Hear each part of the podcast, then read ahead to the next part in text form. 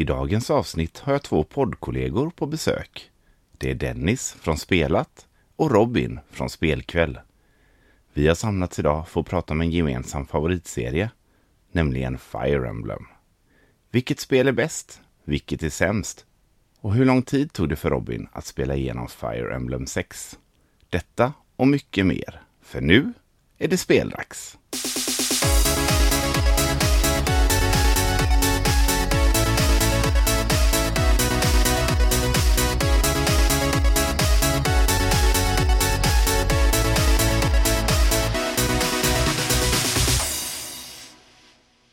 I framtiden vill jag göra ett mer djupgående avsnitt om Fire Emblem och dess historia. Fire Emblem är en tv-spelserie som funnits ända sedan 1990. Spelen ges ut av Nintendo och till dagens datum finns det 16 spel i serien. Spelen är taktiska, turbaserade rollspel med stor fokus på story.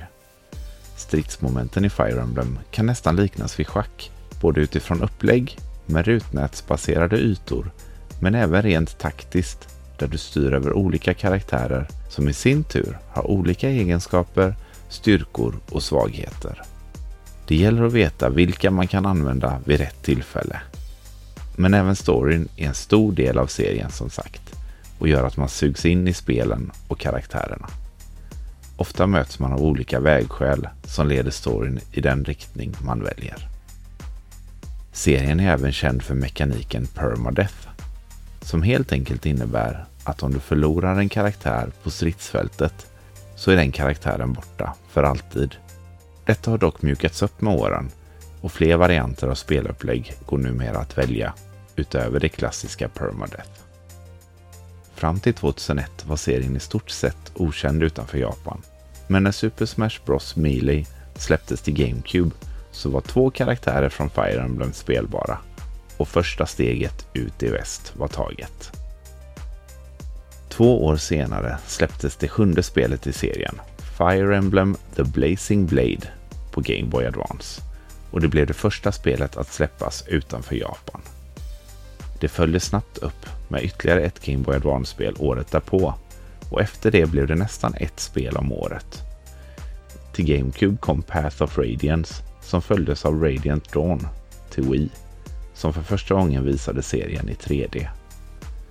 Det första spelet i serien, Shadow Dragon and the Blade of Light, fick en remake på Nintendo DS 2008 och efter det blev det tyst. Åren gick och fans av serien undrade när nästa spel skulle komma ut. Det var nästan som att Nintendo hade glömt bort serien. Men 2012 gjorde Fire Emblem en storslagen comeback med Awakening Spelet blev en succé och visade för Nintendo att Fire Emblem är en serie värd att satsa på. Det senaste spelet i serien, Three Houses, kom 2019 till Nintendo Switch och möttes av fina betyg från både recensenter och fans. Three Houses är det mest sålda spelet i serien och vi väntar med spänning på nästa spel i Fire Emblem-serien. Men nu är det dags att ta in dagens gäster. Hej och välkomna till dagens avsnitt av Speldags. Idag har jag turen att ha med mig två gäster, Dennis och Robin. Två riktiga veteraner när det kommer till poddandet. Välkomna till dagens avsnitt. Tackar, tackar. Tack så mycket. En och en halv veteran i alla fall. Robin har hållit på betydligt längre än vad jag har gjort. Ja, men ja efter 10-11 eh, avsnitt så är alla mer veteraner än vad jag är. ja, ja, då så. ja, men det är jättekul att vara här faktiskt. Verkligen. Jag har ju gästat eh, bägge era poddar så jag tänkte att eh, det var dags att bjuda in bjuda in er och jag valde ju de två bästa från varsin podd där. Så att, uh. shout out till Jakob och Tommy. ja, det säkert uppskattas. ja, precis. Men Jakob tycker ju själv det att ja, men, eh, du får gå, åka iväg och prata Robin för jag kan ingenting säger han. Så att, uh... Robin, du kan väl presentera din, din podd Spelkväll? Ja, visst, det är ju jag och min vapendragare Jakob som har en spel, spelpodd som heter Spelkväll med Robin och Jakob. Eh, Och vi är ju lite av en sån här podd som, vi har ju absolut ingen manus, vi redigerar eller klipper i princip aldrig, vi lägger bara in våra jinglar och så pratar vi bara om spel. Och jag är väl den som är spelnörd och Jakob är mer där och alltså... Sidekick. Han, han är sidekick och han är väl den som är snygg och han kom ju på det efteråt att man syns ju inte i en podd, man hör ju bara rösten. Aj, aj, aj. Han tillför ju inte så mycket, men eh, vi brukar ha det rätt kul ändå. Och ni har hållit på ganska länge va? Ja, det är nu tre år nu i sommar här tror jag, så vi är uppe på 100, över 100 avsnitt. Ja. Det Coolt. är Så jäkla kul.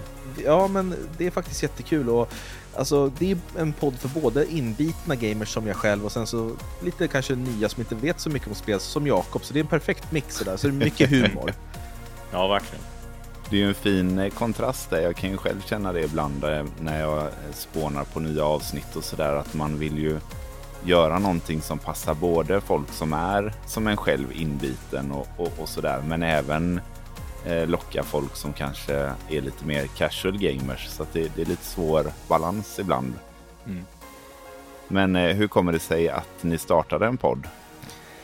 Nej men vi har alltid, alltså vi har ju varit vänner sen, Jakob är två år yngre än vad jag är, så att när han kom hem från BB, då träffade jag honom för första gången. Alltså, och vi har varit vänner hela livet och vi har ju aldrig haft samma intressen. Någonstans, han, han älskar ju fotboll och jag tycker det är jättetråkigt med fotboll.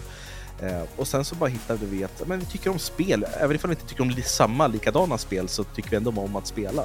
Ja, Och sen så har vi hållit på mycket med film och gjort så här sjuka filmklipp och grejer. Och så gjorde vi en podd som hette Robin och Jakob, bara vi pratade om våra liv för oss själva, inte la ut någonstans. Jaha, okej. Och sen sa vi det att nej nu jäklar, nu drar vi igång en spelpodd. ja, men vad roligt.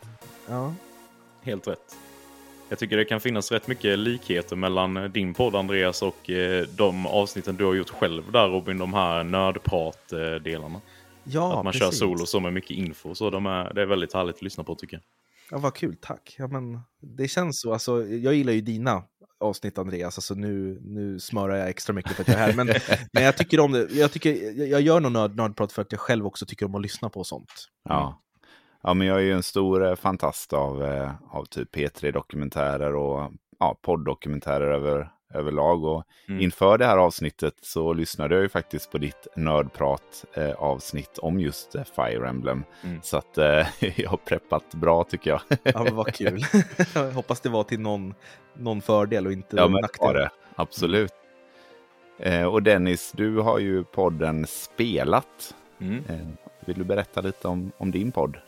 Ja, det är ju en eh, podd som jag har startat ihop med Tommy Åslin. Eh, och vi kände ju inte varandra innan vi startade podden, så det har väl alltid varit lite våran grej då att vi ska lära känna varandra genom prata om spel i podden. Liksom. Ja, Eh, för jag var ju liksom ett fan av honom och hans YouTube eh, sen innan då, så det var egentligen en ren chansning att jag hörde av mig. Bara, du är sugen på att starta en podd med mig? Så, här, du, jag är en, in- ingen alls liksom. Men han bara, ja men det hade ju varit kul. Så här, liksom, så. Ja vad roligt ändå. Ja, det är ju väldigt speciellt. Precis, och det var ju väldigt stelt till en början, men eh, ja, jag tycker det har blivit bra efter ett gäng avsnitt. Ja, du sa ju det vid något tillfälle, om det var när jag var med i eran podd eller om det var när vi bara satt och snackade lite innan, att det var lite stelt. Men jag har lyssnat lite på de tidigare poddarna och jag tycker inte att man uppfattar den stelheten. Men det, det kanske du känner, eller ni kände själva snarare än att det förmedlades ut i, i podden liksom.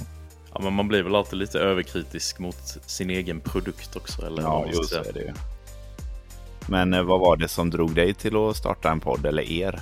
Alltså, det var ju du i det här Ja, fallet. det är väl egentligen min, min idé kan man väl säga. Eh, nej, men jag har väl egentligen varit...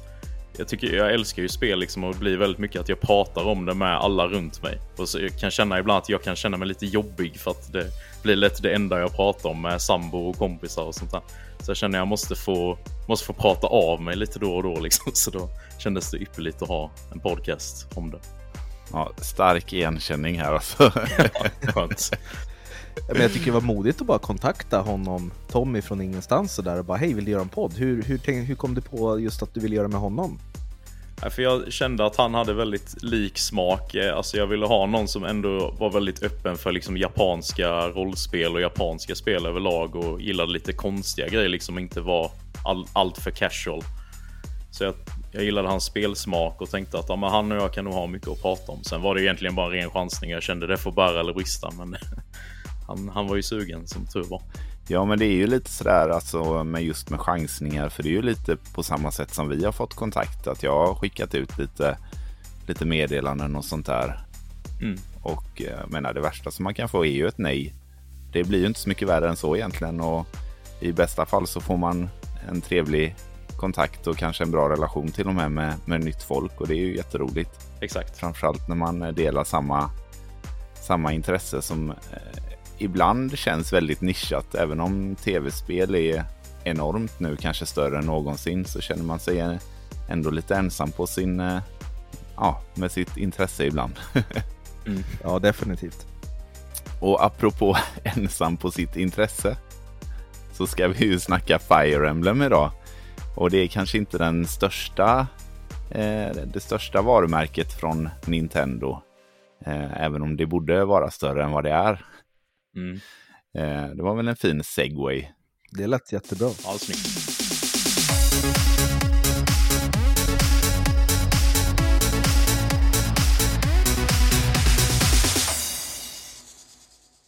Vi ska ju snacka Fire Emblem idag. Och eh, det är ju en av mina favoritspelserier och jag har förstått att det även är en av era favoritspelserier. Mm. Helt klart. Absolut. Robin, eh, du kan väl berätta lite om eh, vad du känner inför Fire Emblem? Ja, absolut. Det var ju alltså Fire Emblem, det, det var som ett, vad ska man säga, eh, ett dolt påskägg eller om man kan säga så. För att det här är en spelserie som började väldigt tidigt. Alltså i Japan. Det var ju redan på NES-eran som det släpptes spel i Fire Emblem-serien där. Men de kom ju inte hit till Europa förrän alltså 2004. Just det. Och det var ju i och med Super Smash Brothers Melee vi fick se Martha Roy, Mm. två karaktärer från spelserien. Och när jag spelade det spelet tänkte jag, vad i helvete, vilka är det här? Jag kände, jag kände igen alla andra karaktärer men inte dem. Nej. Exakt. Och då, gjorde- då gjorde jag ju research och eh, upptäckte då spelserien och sen blev jag förälskad i det här strategi-rollspelsupplägget som, som det har. Ja, alltså du var ändå en tidig eh, believer Mm. här i Ja. väst så att säga. Jag, alltså, jag vet inte hur tidig jag var egentligen. För, för, för mig var det så här, wow, alltså, det var ingen som fattade vad, vad jag pratade om när jag gick runt på skolgården och sa, men Fire Emblem, det är det, det här och man, man klickar på karaktärer och så går man runt på ett, ett rutnät och väljer attacker och grejer. Och alla bara, ja. Låter det låter skitkul. skitbra." Ja, skit, skitbra. Till Gameboy också. Det var ju Ja. Det var ju inte så hett. Det skulle vara Playstation 2 eller Xbox, men eh, Just det. jag var en, en early believer. Ja. Mm.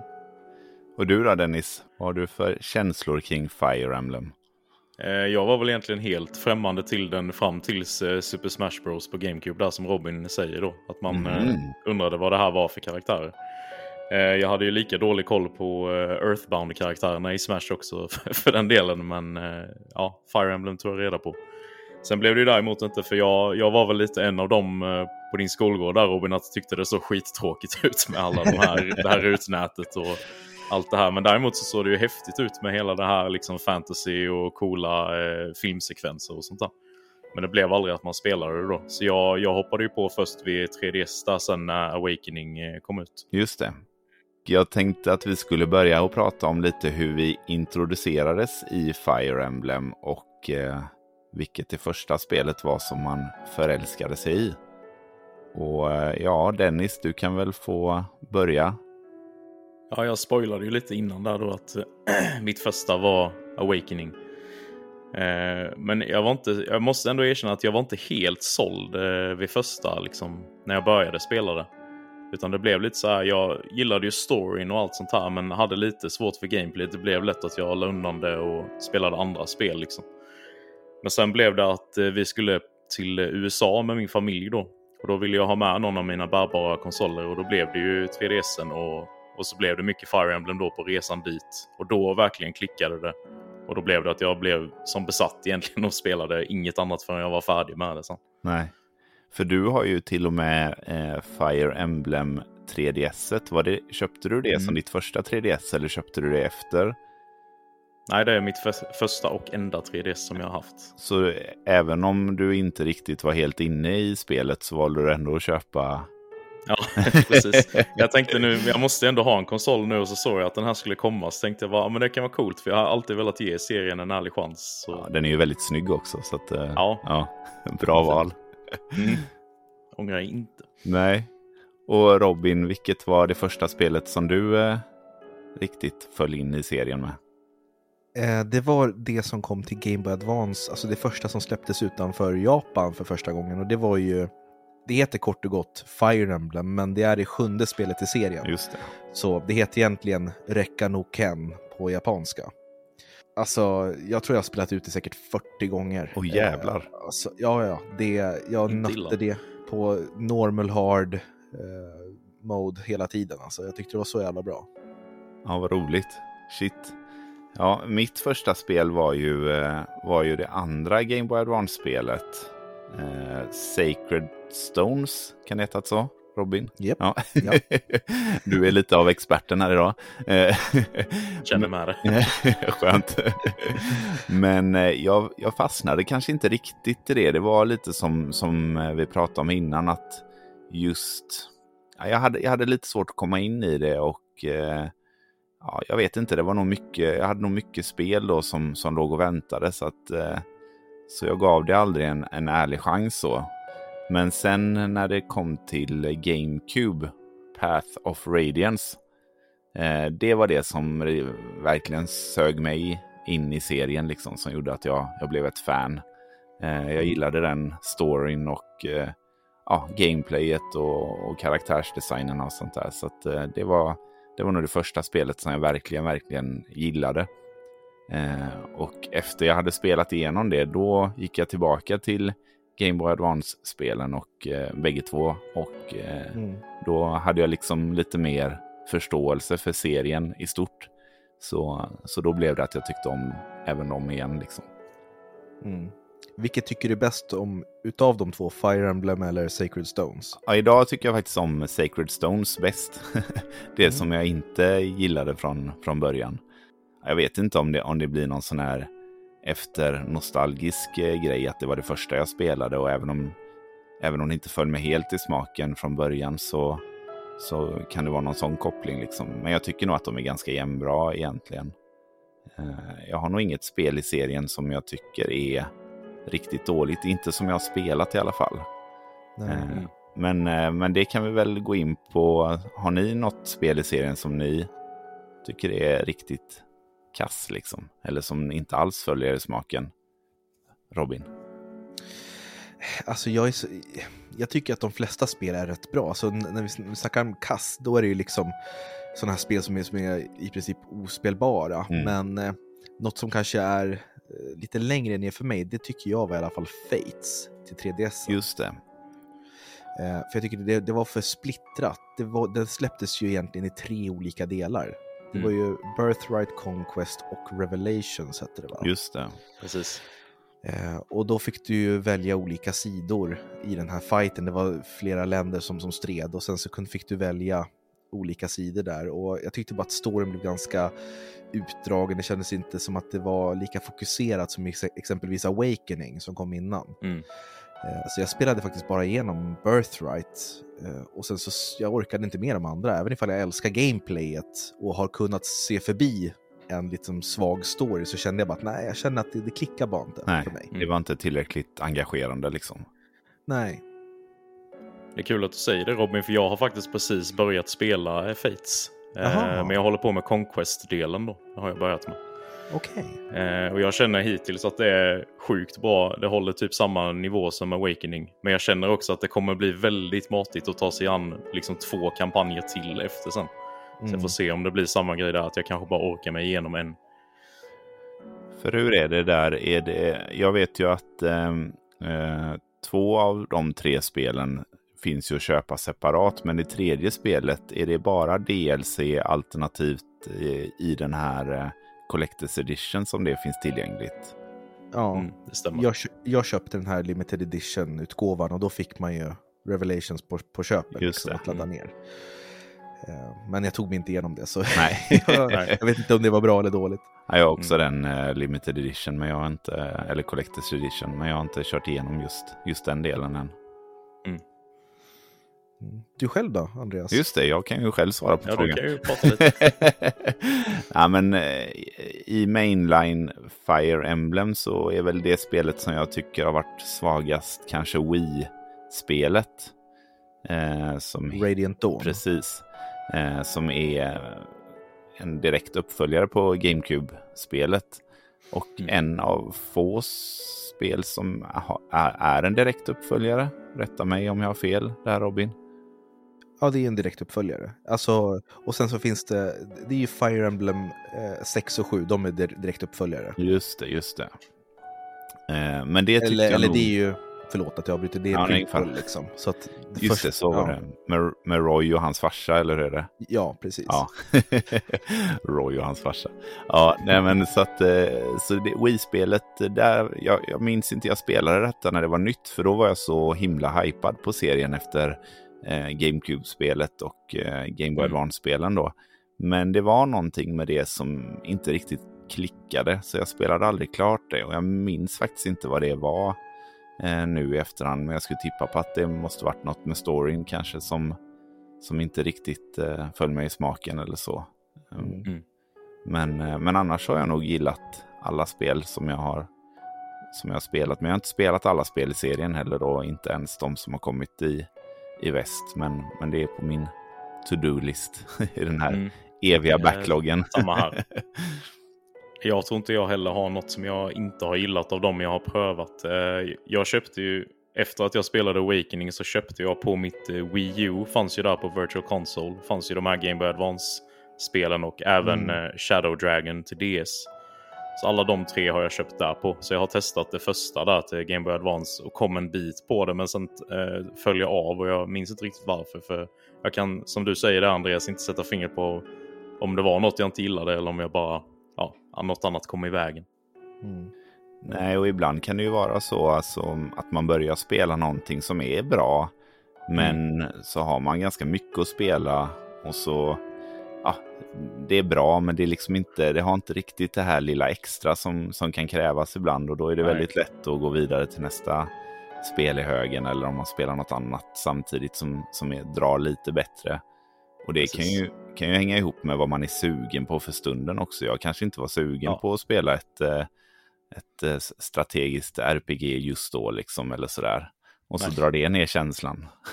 ja, precis, och sen Fire Emblem, det är ju ett väldigt eh, alltså, köttigt spel. Det tar ju, alltså, ett spel tar väl runt 20-30 timmar att klara. Mm. Mm. Så det, alltså, du måste verkligen lägga ner tiden. Det är inte som att man drar upp och spelar en bana som på Super Mario. Så jag förstår att man, man droppar av. Ja, mm. Nej, men det kräver ett visst eh, engagemang liksom. Definitivt.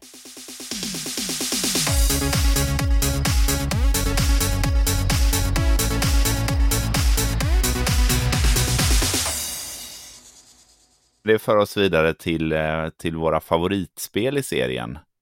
Eh, och ja, jag lämnar över bollen till eh, Robin. Du kan väl börja där kanske? ja visst, vill du ha någon så här topp fem eller bara generellt bara några stycken? Kör du ett par stycken, det är väl kul? Ja, ja visst. eh, ja, ja, men mitt favorit är ju det sjätte spelet, det som inte finns på engelska. Eh, och det, det var ju det första till Game Boy Advance. Mm. Och det heter, alltså om man ska liksom översätta det så heter det The Binding Blade. Eh, och det är där Roy har huvudrollen. Mm.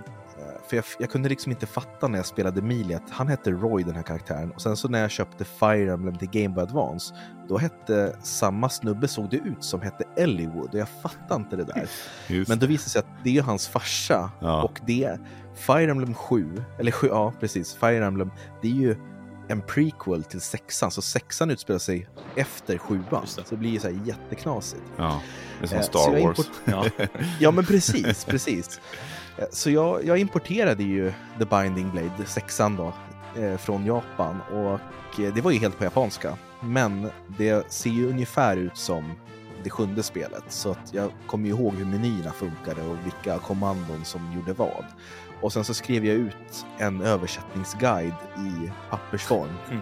Och Sånt jävla tryckte... engagemang alltså. Ja, ja jag tryck, tryckte fram tryckte fram en, en textrad och så bläddrade jag sida och läste, jaha nu sa han så, och så en textrad. Så det där tog ett år för mig att, att klara ut och jag tyckte det var så episkt eh, för att det just det, det är ett väldigt storskaligt krig och det känns också som att det är ett stort, alltså det är som att hela världen, hela världens öde ligger i den här striden. Mm, mm. Som jag inte tycker att de andra Fire Emblem-spelen riktigt lyckas med något av dem egentligen. Det känns som att det är slag, men inte det här stora kriget som är liksom helt avgörande. Mm.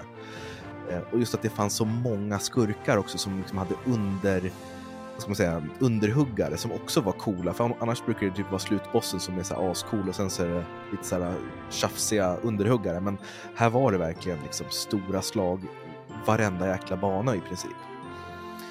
Eh, så jag tycker att det är det bästa jag har spelat. Sen kanske inte är det bästa rent spelmekaniskt. Det finns mycket som de andra spelen gör mycket bättre. Men jag, jag gillar det. Det är svårt, det är stort och eh, jag gillar storyn. Ja, man blir ju sugen på att köra det nu. Ja, Faktiskt. Ja, och, och min dröm utan någonsin för Nintendo det är ju en, så här, en remake i 2D HD Mm. Av det spelet, just alltså till det. Switch. Det hade ju varit liksom bäst av, av bäst liksom. ja. Eh, sen så gillar jag ju då uppföljaren så att alltså sjuan, alltså, alltså det är ju liksom en, en duologi kan man väl säga, så att de går ju ihop de två spelen. Eh, men sen så gillar jag också, eh, jag tycker att eh, Path of Radiance var bra till GameCube. Även ifall jag tycker att 2D är roligare än 3D och Fire jag gillar liksom stilen bättre 2D ja. så gillade jag Path of Radiance. Det var mycket spännande kar- karaktärer och roliga inslag man fick till där. Eh, Så det är väl de som är mina favoriter i serien. Och sen så har jag ju hört mycket bra om nummer fyra och den, den har inte jag ens rört för jag vill vänta på en remake eller en översättning på det. Är det till Super Nintendo eller? Ja, precis. Ja. Det heter Eller Super Ge- Famicom? Då? Super Famicom, precis. Och det kom ju 96 och heter Genealogy of the Holy War. Det ska ju vara också så här tok-episkt. Ja, ja, men det har jag också hört.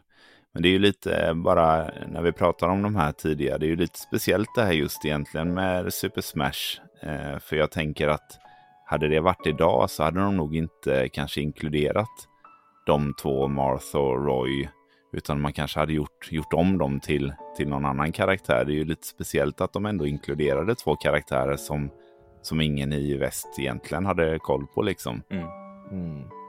De måste ju ha haft planer på att lansera Fire Emblem och tänkte att vi, vi kör på det. Just det, liksom. Mm. ja precis. Det måste ha legat där eh, nära till hands liksom. Säkert. Men också då att, eh, att det är just de två, för Marth är väl från första, allra första spelet. Ja. Ja.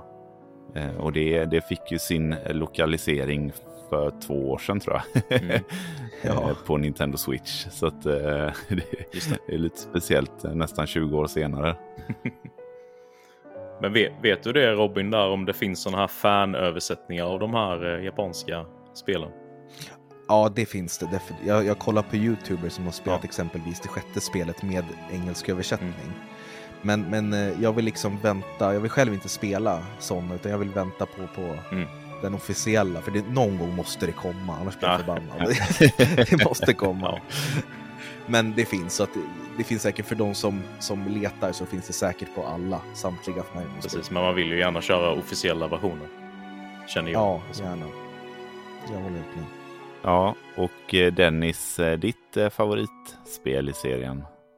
Eh, jag, jag kommer ju vara lite tråkig här nu då och säga att det är eh, Three Houses som är min eh, favorit då. Vad är det för tråkigt med det? Nej, men det känns som att det är... Om man säger folk som kanske inte är så insatta i serien så är det liksom ett givet val att det senaste gärna blir favoriten liksom. ja, vi är inga elitister här. Nej, nej vad skönt. Nej, men innan dess så var det ju såklart Awakening och det är ju än idag är det ju bara Awakening och Three Houses som jag liksom har spelat från början till slut. Mm. Men Three Houses hade liksom, jag var lite nervös inför när det skulle komma för att eh, Fates missade jag när det, när det begav sig av någon anledning, jag vet inte riktigt varför. Men när Three Houses visades upp då så såg jag ju liksom att det skulle ha lite så här element från eh, Persona-spelen då. Det här när man springer runt på den här skolan och det. Eh, och jag, det lilla jag hade testat av Persona 5 då var, eh, var jag inte så imponerad av just de här Life Simulator-delarna. Vilket jag fastnade för. Nästa gång jag testade i Royal-versionen så blev jag helt fast. Alltså jag, är, jag är väldigt mycket för det här att man ska ge spelen en andra chans. För det kan vara väldigt värt det många gånger. Mm. Ja.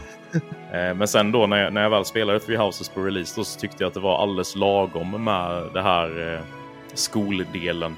Och ändå liksom höll bra pacing med storyn och fighterna och allting. Så jag tyckte ja, det var ett väldigt, ett väldigt, väldigt bra spel. Som eh, är lite översett av många på switchen då. Som inte liksom gillar det här taktiska rollspel och så. Känns det som. Vilken, eh, vilket hus spelar du som? Jag spelade som Golden Deer. Och sen har jag påbörjat en andra playthrough med eh, de här, vad heter de röda med, med tjejen där. Ja, Edelgard, vad heter, vad heter det? House? Ja, Precis, eh, Black Eagles va? det stämmer nog. ja. Ja. Jag, jag har påbörjat men inte tagit mig igenom det för andra gången. Så. Jag hade velat se om det blir liksom så här stora ändringar i handlingen. För det är ju ändå en del twister där eh, mot slutet. Liksom.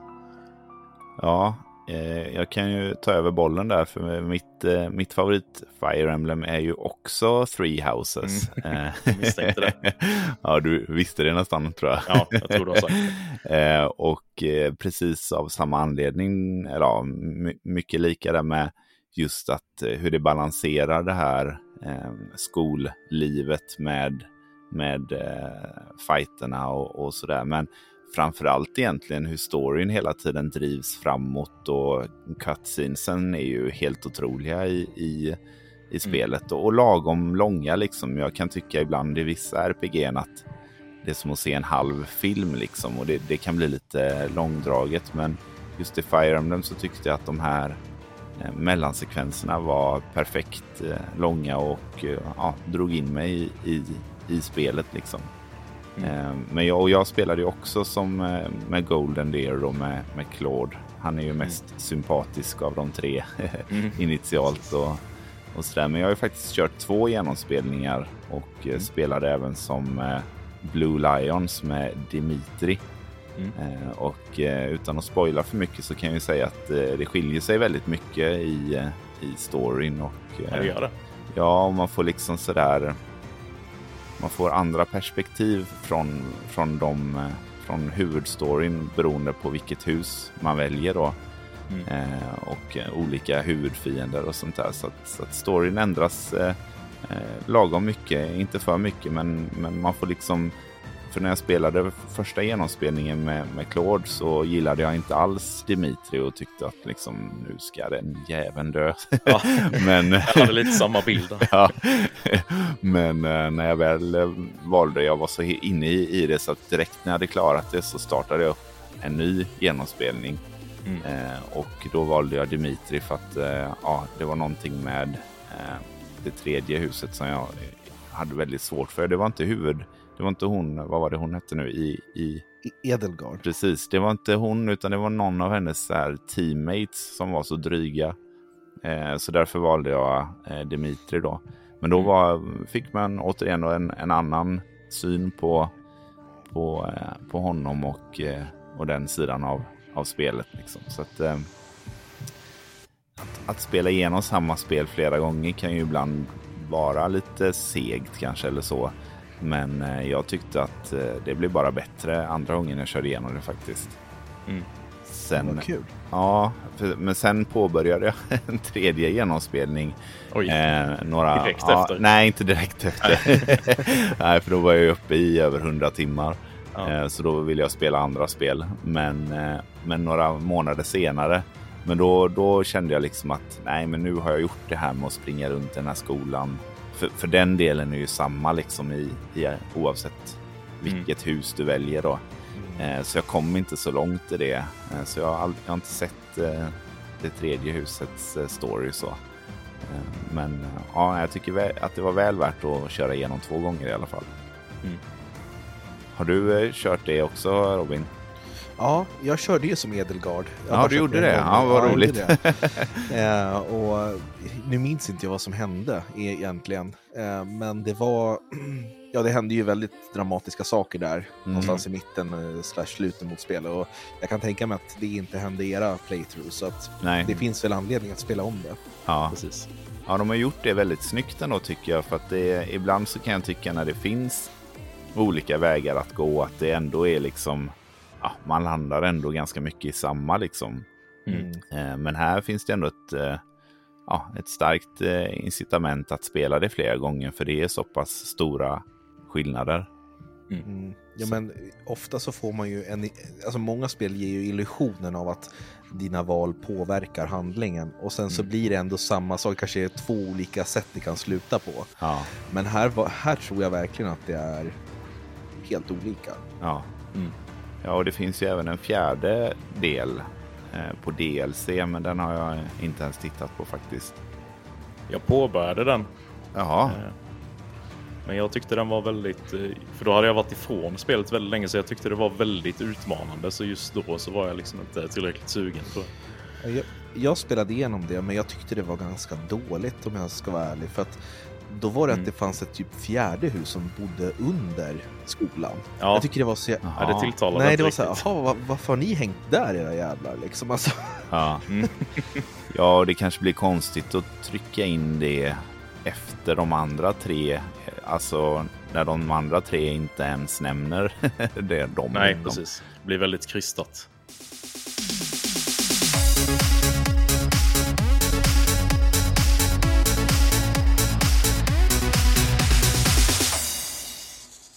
Men jag tycker ändå att det är kul för att, eh, att de gör en sån DLC. Eh, måste ju ändå bevisa att, att spelet har sålt ganska bra, att det finns ett stort intresse. Mm. För det var ju ett tag där med kring Awakening som, som Nintendo ifrågasatte spelseriens vara eller inte vara. Mm. Eh, och sen blev ju Awakening en, en eh, succé då. Så att, eh, Ja, det känns ju som att det känns ju som att Fire Emblem bara kan, alltså det har ju fått många fans nu i och med Three Houses, de som spelade Awakening. Eh, det känns som att serien kan ju bara gå uppåt härifrån egentligen. Bara de satsar på att eh, göra en ny del här nu så tror jag att det kommer säkert bli det bäst sålda spelet i serien. Mm. Ja, ja, för det känns ju samtidigt som att eh, den här, vad ska man säga, nischade japanska eh, spelgenren överlag, alltså med, med Persona och, och de här ja, Shin Megami Tensei och sådär. Mm. De tar ju sig mer och mer till väst och, och folk verkar ju uppskatta spelen. Eh, så att det kanske inte är så nischat som som Nintendo eller andra tror då, utan att det är ett större intresse för den typen av spel Mm. än vad det har varit tidigare. Liksom. Just så här taktiska rollspel är det ju inte så jättegott om heller. Där kan man väl nästan säga att Fire Emblem är störst. Det är väl Disgaea som skulle kunna vara på samma Just det. popularitet. Då. Det släpptes ju nu det här Triangle Strategy. Just det. släpptes ju. Eh, och det testade jag på demo, men jag tycker det var för komplicerat. Det, det, det fastnar Mm. liksom inte på en gång. Just Fire Emblem, jag tycker det är, det är ganska lätt att komma... Nu har jag spelat det så mycket, men jag minns att det är ganska lätt att komma in i det. Det är liksom tydliga menyer. Mm. Du kan testa dig fram också ganska mycket. Men just det här typ Triangle Strategy, det, det var liksom... Jag vet inte, jag tycker det, det var bökigt på något vis. Mm. Jag testade också demot men eh, det blev... Jag var, jag var ändå inne på att köpa det men det, blev, det var inte tillräckligt övertygande för jag fortfarande inte köpt det. Så Nej, det var nog men lite du får ge det en, en andra chansen. Ja, just det. Alltid. Det är en bra, ett bra poddnamn annars, en andra chans. Just det. Andra chansen. Ja, vi, får, vi får byta. Ja, precis. Nej, men jag tycker jag håller med där. att Jag tycker ju att eh, ja, men framförallt egentligen eh, Three Houses upplevde jag nog som enklaste Fire Emblem-spel att komma in i. Att det var en ganska så bra progress i svårigheten och, och just att man kunde välja också casual mode och det fanns det här med att spola, spola tillbaka eh, för att inte förlora karaktärer för alltid och sådär. De som är hardcore Fire Emblems tycker att det inte är så bra, men vad tycker ni om det? Jag har ju faktiskt bara kört eh, casual mode i, i både Awakening Fates och eh, Three Houses nu då. För jag blir, jag blir väldigt eh, avskräckt av det här med Classic liksom och förlora karaktärerna permanent. Jag vet inte. Det känns som att det, är, det blir väldigt svårt och då blir det ju ett ännu större åtagande för då vill man kanske spela om fighterna hela tiden för att inte bli av med karaktärerna. Och så blir man tokig på att man inte klarar det liksom. Ja. Mm. Jag vet inte. Ja, precis. Nej, men jag har ju alltid kört. I Game Boy Advance-spelen så fanns det ju bara... Eh, det fanns ju normal och hard när det kom till svårighetsgraden på fienderna, men att, att eh, återuppliva sina karaktärer, det, det, det, fanns ju inte. Så jag är ju van med det där och det har ju varit så att jag spelat en fight som kanske har tagit två timmar och så har min favoritkaraktär så här, jag gjorde någon miss i slutet av banan innan bossen och så dör den och man mm. bara ska jag, ska jag gå vidare ja, eller ska jag starta om? Och mm. sen så kanske man tänker att men nu går jag vidare och så kommer man till nästa bana och bara jävlar, jag skulle ha sparat honom eller henne. Mm. Jag tycker det är lite roligt också, men det, då hade man inte lika mycket spel att spela. Då var man ju ung och hade mm. typ bara en Gameboy, så då kunde man ju eh, sätta, och, sätta av tid för det. Men nu, ja. jag tror att jag spelade Three Houses på casual bara för att komma igenom det. Jag körde ju faktiskt, eh, min första runda körde jag på eh, vanligt, alltså permadeath och sådär. Mm. Men då blev det ju precis som, som ni säger att, att flera gånger så förlorade jag ju någon favorit. Eh, och jag vet, det var någon gång, nu minns jag inte vilken karaktär det var, men, men jag blev skitledsen. Alltså typ deppig liksom. För det var också en sån här jättelång strid. Eh, och så bara dog den här favoriten som var, han var eh, pilbågesnubbe. Eh, mm. Och jag bara, det, så här, det kändes in i själen typ. Eh, mm. Så, att, eh, nej, så jag fick ju ta, ta tillbaka från, från den saven och spela om då så att jag kunde gå vidare med honom. Så sen när jag spelade nästa runda då, då valde jag casual mode för att eh, bespara mig den. Fast det är lite fint också samtidigt. Ja. Så. Men, men jag vet just den fighten där han pilbåge-snubben dog som jag inte tyckte om tillräckligt för att komma ihåg namnet idag, men som var väldigt viktig då. Eh, det var någonting, jag tror, jag tror han påminde lite om mig själv när jag var typ 20, lite så här eh, sköna emo-vibes med, med det här japanska spretiga håret. Eh, ja, typ, typ som mig. Precis. Nej, och det, det, men främst var det nog att eh, just att det tog sån tid att spela om. Vissa, vissa fighter kan ju vara väldigt långa eh, och mm. det är ju väldigt spännande eh, när, när man är nära att förlora någon och framförallt om det är permadeath. Att det hänger ju mycket på det då liksom. Eh, men när, när, det, när han dog och, och det tog så hårt så tänkte jag att nej, nästa, nästa genomspelning, då kör jag casual. Ehm, för då var det ju att om, om karaktären dör så är de med i nästa fight. Är det inte så? Ja, precis. De kommer tillbaka efter striden. Ja, precis. precis, för de, är, de, liksom, de dör i striden men är med i nästa fight igen. Liksom. Mm. Men i, i Fates där så har de ju ett tredje läge då som heter Phoenix Mode. Och då är det ju att eh, karaktärerna återupplivas när det är din tur nästa gång, alltså efter, efter nästa mm. enemy turn. Och det känns ju nästan löjligt. Ja, ja då kan man ju lika gärna köra någon sån autoplay-funktion typ. ja, men typ. ja, eller hur? men ni har inte vänt på det någon gång då eh, och försökt ha ihjäl någon med flit? För att man är så trött på någon? För att ni inte gillar det? Nej, eh, nej faktiskt inte. Men däremot så vet jag att jag eh, det var ju många karaktärer, framförallt när jag spelade om eh, Three Houses med Dimitri som jag bara la längst ner hela tiden för jag, jag gillade dem inte. Eh, de fick liksom aldrig några uppgraderingar eller några vapen eller något och det straffade ju sig kanske lite längre in då när man så här, hmm, kanske skulle haft en bra, ja, vad det nu kunde vara liksom. Eh, men jag har inte mm. permadödat någon eh, för att bli av med dem. Har du gjort det eller? Nej, okej. Okay. ja, ja, gud ja. Så när, man, när man spelar, har spelat till exempel Fire Emblem 40 gånger och man är så här, men den här karaktären, den kommer aldrig bli bra. Och ibland finns det ju banor där man till exempel börjar högst upp i vänstra hörnet och ska ta sig längst ner till högra hörnet för att komma fram till en tron eller någonting. Mm. Och då ungefär kanske halvvägs genom banan så börjar det komma ja, men, fiender ovanifrån där man började och börjar jaga en. Ja. Och då är det så här, men då skickar vi upp de här två, de får ta det. Kanonmaten. Liksom. Ja, men kanon, kanonmaten liksom.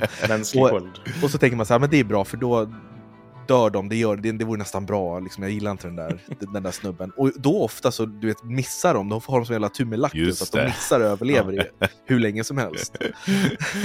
ja men det, den varianten har jag gjort eh, återigen då i Three Houses när man har, mm. för det är ju vissa banor så, så får du med hela gänget liksom. Och då, mm. då följer ju även de här som man inte har prioriterat, de hänger ju med ändå liksom. Eh, så då får man, får man stapla dem liksom som mänskliga skölden. Ja, ja, men det är kul. Det är, alltså, och jag blir sugen på att spela Fire men det är bara för att vi pratar om det. Eller det, hur? Jag vet inte. Ja. Det, det är så beroendeframkallande. Det Ja. är faktiskt det. Mm. Ja, det, när jag körde Three Houses första, första genomspelningen, då hade jag ju med mig mitt Switch till jobbet och spelade på rasterna. Och om jag hade sådär tio minuter över så kunde jag sitta och spela. För, för det är ju ändå någonting som jag tycker att serien gör väldigt bra. Att man kan spela lite kortare sessioner också. Det behöver inte alltid vara de här eh, 30-40 minuters eh, genomgångarna för att man ska göra progress liksom. Utan man, man kan spela kortare sessioner också. Eh, och springa och hämta något eller köpa något vapen eller, eller sådär. Så, att, eh, så det spelade jag varje ledig stund när det, när det var nytt där den sommaren. Härligt. Men det är också väldigt lätt att man vill sitta väldigt långa stunder för att det är väldigt bra spel. Ja, verkligen. Eh, vet ni det förresten på tal om det här med, med classic mode och så. Hur, hur påverkas liksom storyn och så om, om de karaktärerna dör? Är det inte så att de kan dyka upp i dialoger och sånt sen ändå? Har jag fått för mig. Alltså, det finns ju, vissa karaktärer är ju viktiga för storyn. Mm. Och då dör de i en strid när det är till exempel classic Mm. mode, där det är per- permadeath. Då, då, då är det så här jättekonstigt, då kanske de blir dödade på, på kartan och så säger de så här bara ah, jag gjorde illa mig, vet du vad, jag måste dra mig tillbaks Ja, och okej. chilla här Mm. borta i tältet. Ja. Så att de, de är kvar och kan utföra sina dialoger. Och de som inte är särskilt viktiga, de dör där på fläcken. Liksom. Ja, ja. Men då var det ändå snyggt gjort ju. Faktiskt. Mm. Men jag, jag har alltid tyckt att, att det är konstigt så här, typ när man är liksom i slutet av spelet och det är så här drakar och skit överallt och så, så är det någon som blir skadad bara ah, jag gjorde illa axeln, jag går, går och vilar här borta. Man bara, men det, det är, alltså hela universum står på spel och du ska gå och chilla där borta tills striden är över. Ja. Så. Det Men blir de också har- lite avslöjande då att man... eh, Det, det är som när man tittar på någon tv-serie och bara väldigt mycket fokus de lägger på den här karaktären som inte har varit med så mycket innan. Mm. Ja, Undrar om det exakt. kommer hända någonting med den Mm. personen under dagens avsnitt.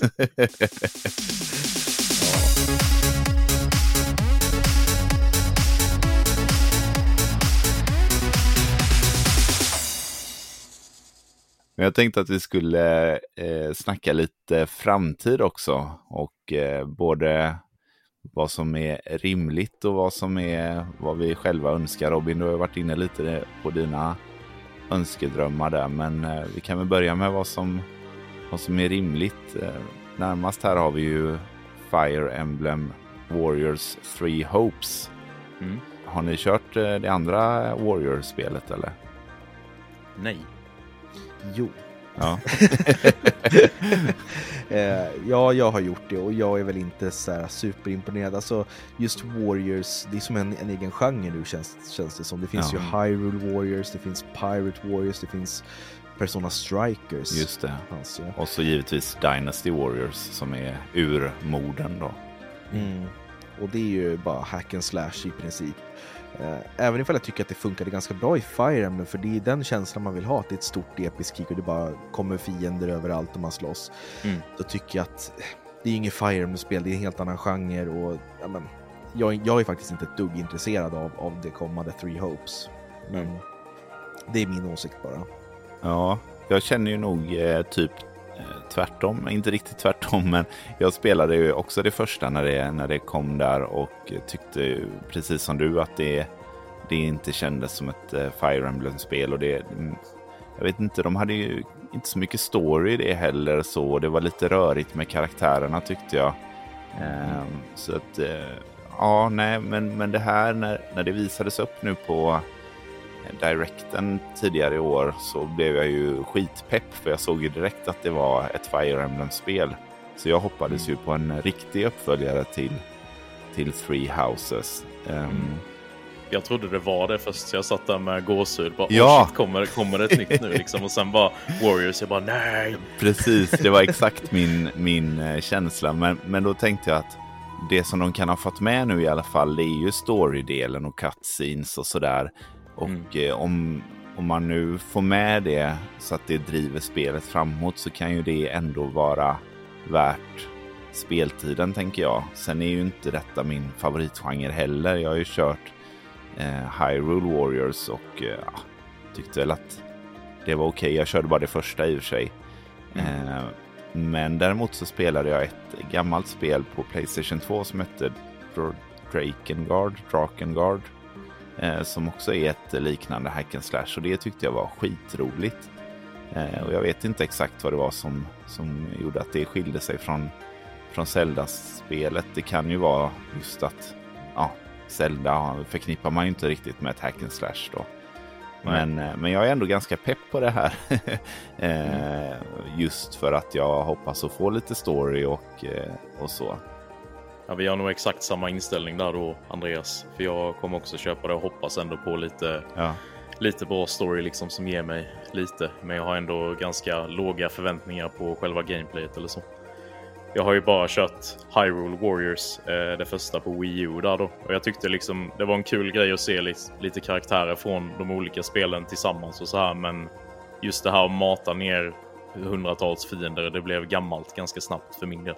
Förhoppningsvis så har de väl förbättrat formatet då, för det var ju eh, det första Hyrule Warriors hade ju inte heller så mycket story och sådär, utan det var ju mer bara mata i, i Hyrule världen medan det, det, andra mm. spelet Age of, Age of Calamity uttalas ja. ja, hade ju betydligt mer story och eller, ja, plockade in Precis. lite av Breath of the Wild och sådär. Um, så att förhoppningsvis så kanske det här blir samma. Ja, precis. Vad tänker ni blir eh, nästa steg då?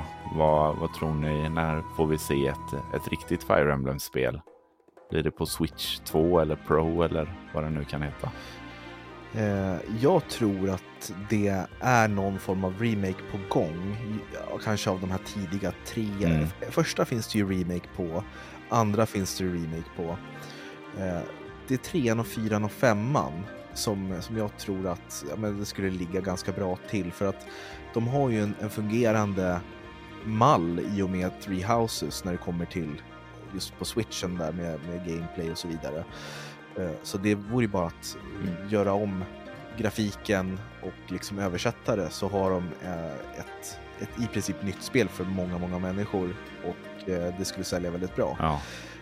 Så jag tror att någon av dem ligger i pipelinen till Switch nu. Sen så hoppas jag att de jobbar på någonting till efterföljaren till Switch där de kanske går ett steg till och gör en helt ny story och eh, verkligen omarbeta lite grann och liksom förnya gameplayet ytterligare. Ja. Ja, för man får inte glömma det att de här gamla spelen, de är ju så pass till åren nu så att skulle det komma en remake så, så är ju det nya spel för väldigt många. Mm.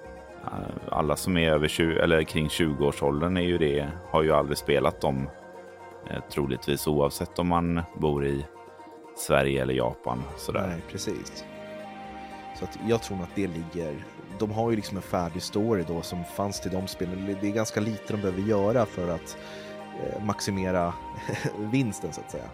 Just det. Jag har ju hört någonting, eh, rykten om att Echoes skulle få en remake och det är ju redan en remake i sig på det andra spelet. Eh, mm. Har jag för mig. Exakt. Eh, men det är ju redan, det var väl det första, det, är väl ganska likt ehm, Three Houses i stuket va? Den remaken. Ja, alltså Echoes, det är väl lite mer... Det, är ju, det, är ju, det skiljer sig från de andra Fire Emblem-spelen för att det är vissa spelinslag som inte finns där i striderna och så vidare. Eh, och du springer även runt, det är i och för sig ganska likt Three Houses, du springer runt i olika grottor och så vidare. Eh, I tredje person. Mm. Och sen så har du olika du har ju två stories som du mm. följer parallellt, sen går de ihop då. Ja, men det vore ju också kanske konstigt om, om man fick en remake till på det då, i och med att det redan är en remake. Mm. Ja, jag tror en portning i sådana fall. Att de bara lyfter det från 3DS. Just det. För det känns onödigt med, med, en remake på en remake på ett spel som... Ja. Alltså, det, det, det känns bara dumt. Mm. Ja. Men en HD-version liksom till Switch kan väl vara på sin plats. Ja, precis. Eh, det låter ju rimligt det du säger att det finns liksom många färdiga stories var många av dem liksom har varit låsta i Japan. Eh, så är de smarta så, så gör de ju så liksom och eh, använder Three Houses motor så. Men eh, många, jag tror ändå att i och med att Three Houses har varit en sån dundersuccé så tror jag nog ändå att vi får se en Kanske inte en direkt uppföljare men ett, ett väldigt likt spel. Eh, I alla fall ett till liksom. Som följer upp det konceptet. Ja, jag tänker också lite så.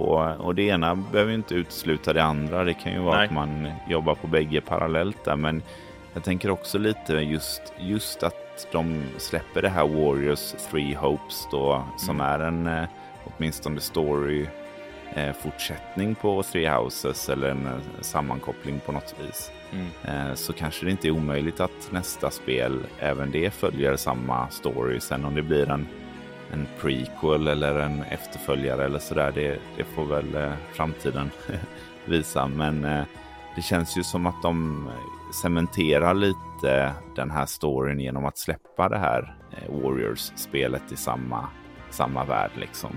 Mm. Mm. Så det känns ju på något sätt rimligt att de skulle följa upp det med, med en riktig uppföljare. De går samma väg som, eh, som Zelda där i så fall med Breath of the Wild, sen Age of Calamity innan den riktiga uppföljaren kommer. Liksom. Ja, precis.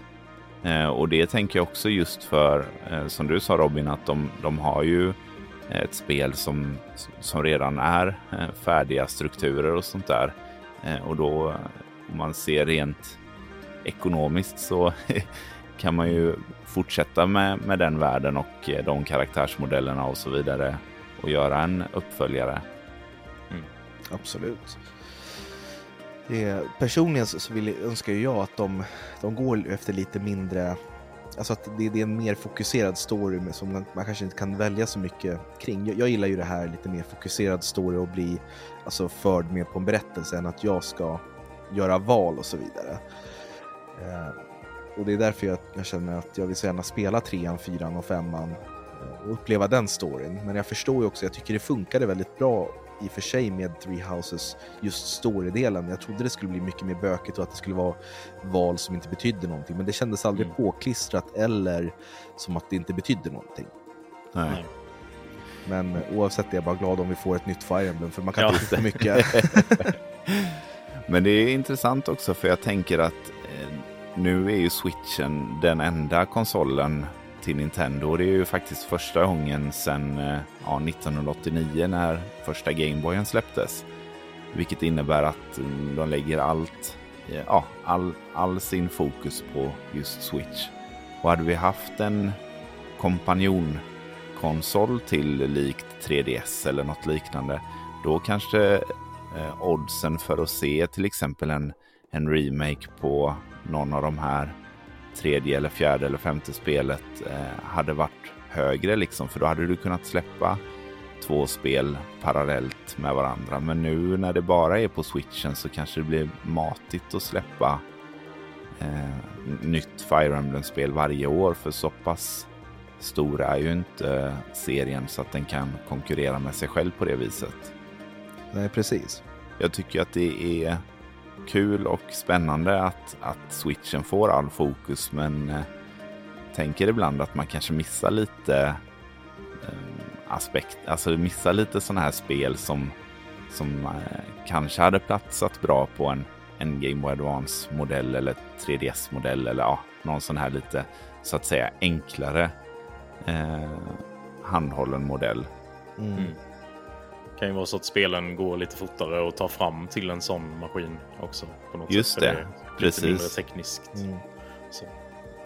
Ja, för, för, min del hade de gärna fått släppa Game Boy Advance-spel fortfarande. Alltså mm. det, ja, gud ja, verkligen. Det hade inte varit några problem alls parallellt Nej. med switchen. Nej. Nej, vi får väl se här om eh, det kommer någon Game Boy Advance-del eh, i online-stödet här. Det ryktas ja, väl det kommer, eh, om det. Det kommer det. Det är klart det, det gör. Måste komma. Mm. Det, det är bara en tidsfråga. Ja, för, när, för det pratade ju vi om lite när jag var med i spelkväll att då kanske de eh, portar de här eh, japanska eh, exklusiva Fire Emblem-spelen och eh, släpper dem på med en engelsk dubb. Mm. Mm. Ja, det hade ju varit fantastiskt. Och även om det inte blir någon remake så kanske det, det är bättre än inget i alla fall. Ja, det duger. Jag kan gärna spela dem, bara, bara de översätter texten så att jag förstår vad det handlar om. Ja. Mm. Jag ser gärna att det kommer så många portningar eller, och eller remakes så, så många som möjligt. Bara så att man får tillgång till fler av spelen. För många av dem, dels de också som ni nämnde innan, där, typ Path of Radiance och Radiant Dawn är ju extremt dyra idag för någon som jag bara hade velat testa kanske. Eh, så blir det en väldig investering. Ja, de har ju stuckit iväg eh, ordentligt Mm. mm. bägge två där eh, har jag sett på Tradera att de ligger ju på över tusenlappen styck tror jag. Jag tror Path of Radiance ligger på 2-3 tusen. Oj. Ja. ja. Jag köpte ju mitt ganska billigt av eh, Hiro. Shoutout. Ja, jag fick schysst. lite kompispris tror jag. Yes.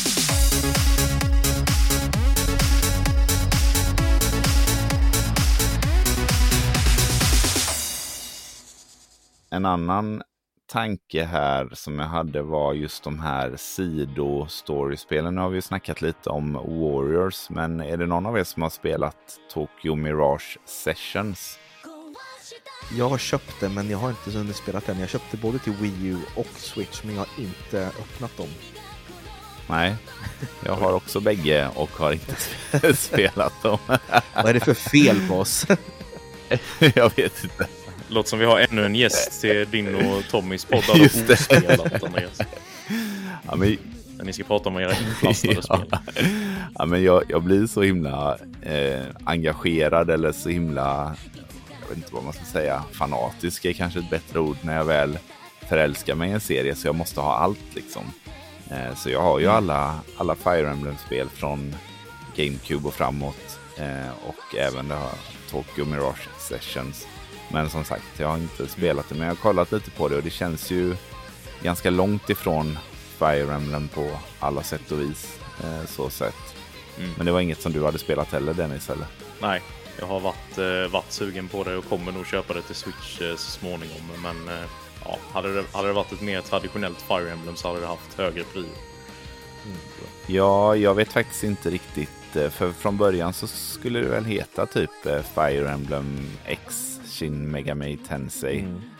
Eh, Men jag har väldigt svårt att se vart Fire Emblem eh, passar in i spelet. eh, Så. Det är väl egentligen karaktärerna som gör, gör lite Mm. gästspel har jag för mig. Eh, Mm. För det ser ju mer ut som ett Persona Shin Megami-spel. Just det. Ja. Precis. Ja, men eh, med de orden så avslutar vi dagens Fire Emblem-diskussion. Och jag vill tacka mina gäster Robin och Dennis så mycket för idag. Tack så mycket för att vi fick komma och prata om Fire Emblem. Ja, tack så jättemycket. Det var svinkul. Ja, verkligen. Och det är ju roligt. Och, alltså, det är ju det här som är lite fantastiskt med, med att, eh, ja, men att ha en podd. Och nu har jag fått lära känna två helt nya människor med samma intresse och man kan sitta här och prata i över en timma om eh, något ganska nischat som, som man inte kan prata med sin fru eller sambo eller sådär. Eh, Eller poddkollega i mitt fall. Just det. Nästan så i mitt fall. Ja, nej, så att, eh, det är ju eh, väldigt lyxigt och eh, roligt och eh, jag känner mig väldigt tacksam för, för att ni ville vara med idag. Självklart. Jag tycker att vi får, vi får köra igen när det väl har släppts något nytt Fire Emblem bortom det här Warriors 3 Hopes då. Kan vi snacka om det? Ja, vem, vem vet, kanske på nästa Nintendo Direct kanske blir så här, och nu släpper vi sju Fire Emblem remakes. Ja, nej, men det tycker jag absolut att vi kör en uppföljning eh, vid nästa riktiga Fire Emblem-spel. Det hade varit eh, superkul. Mm. Då kanske vi kan spela något tillsammans också. Just det. Så- Ja. Ja, men eh, toppen. Tack så jättemycket för idag och på återhörande. Tack. Tack, ha det Ha det bra. gött. Hej. Hej.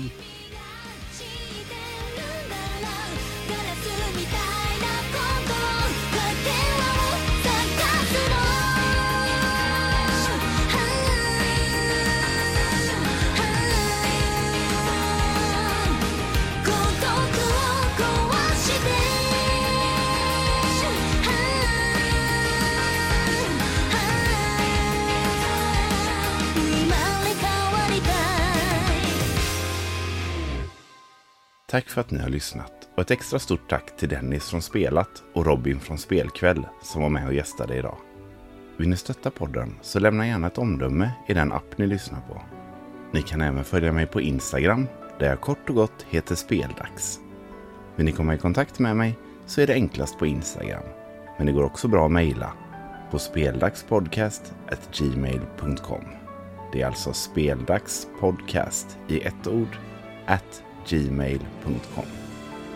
Ha en härlig dag så hörs vi. Hej!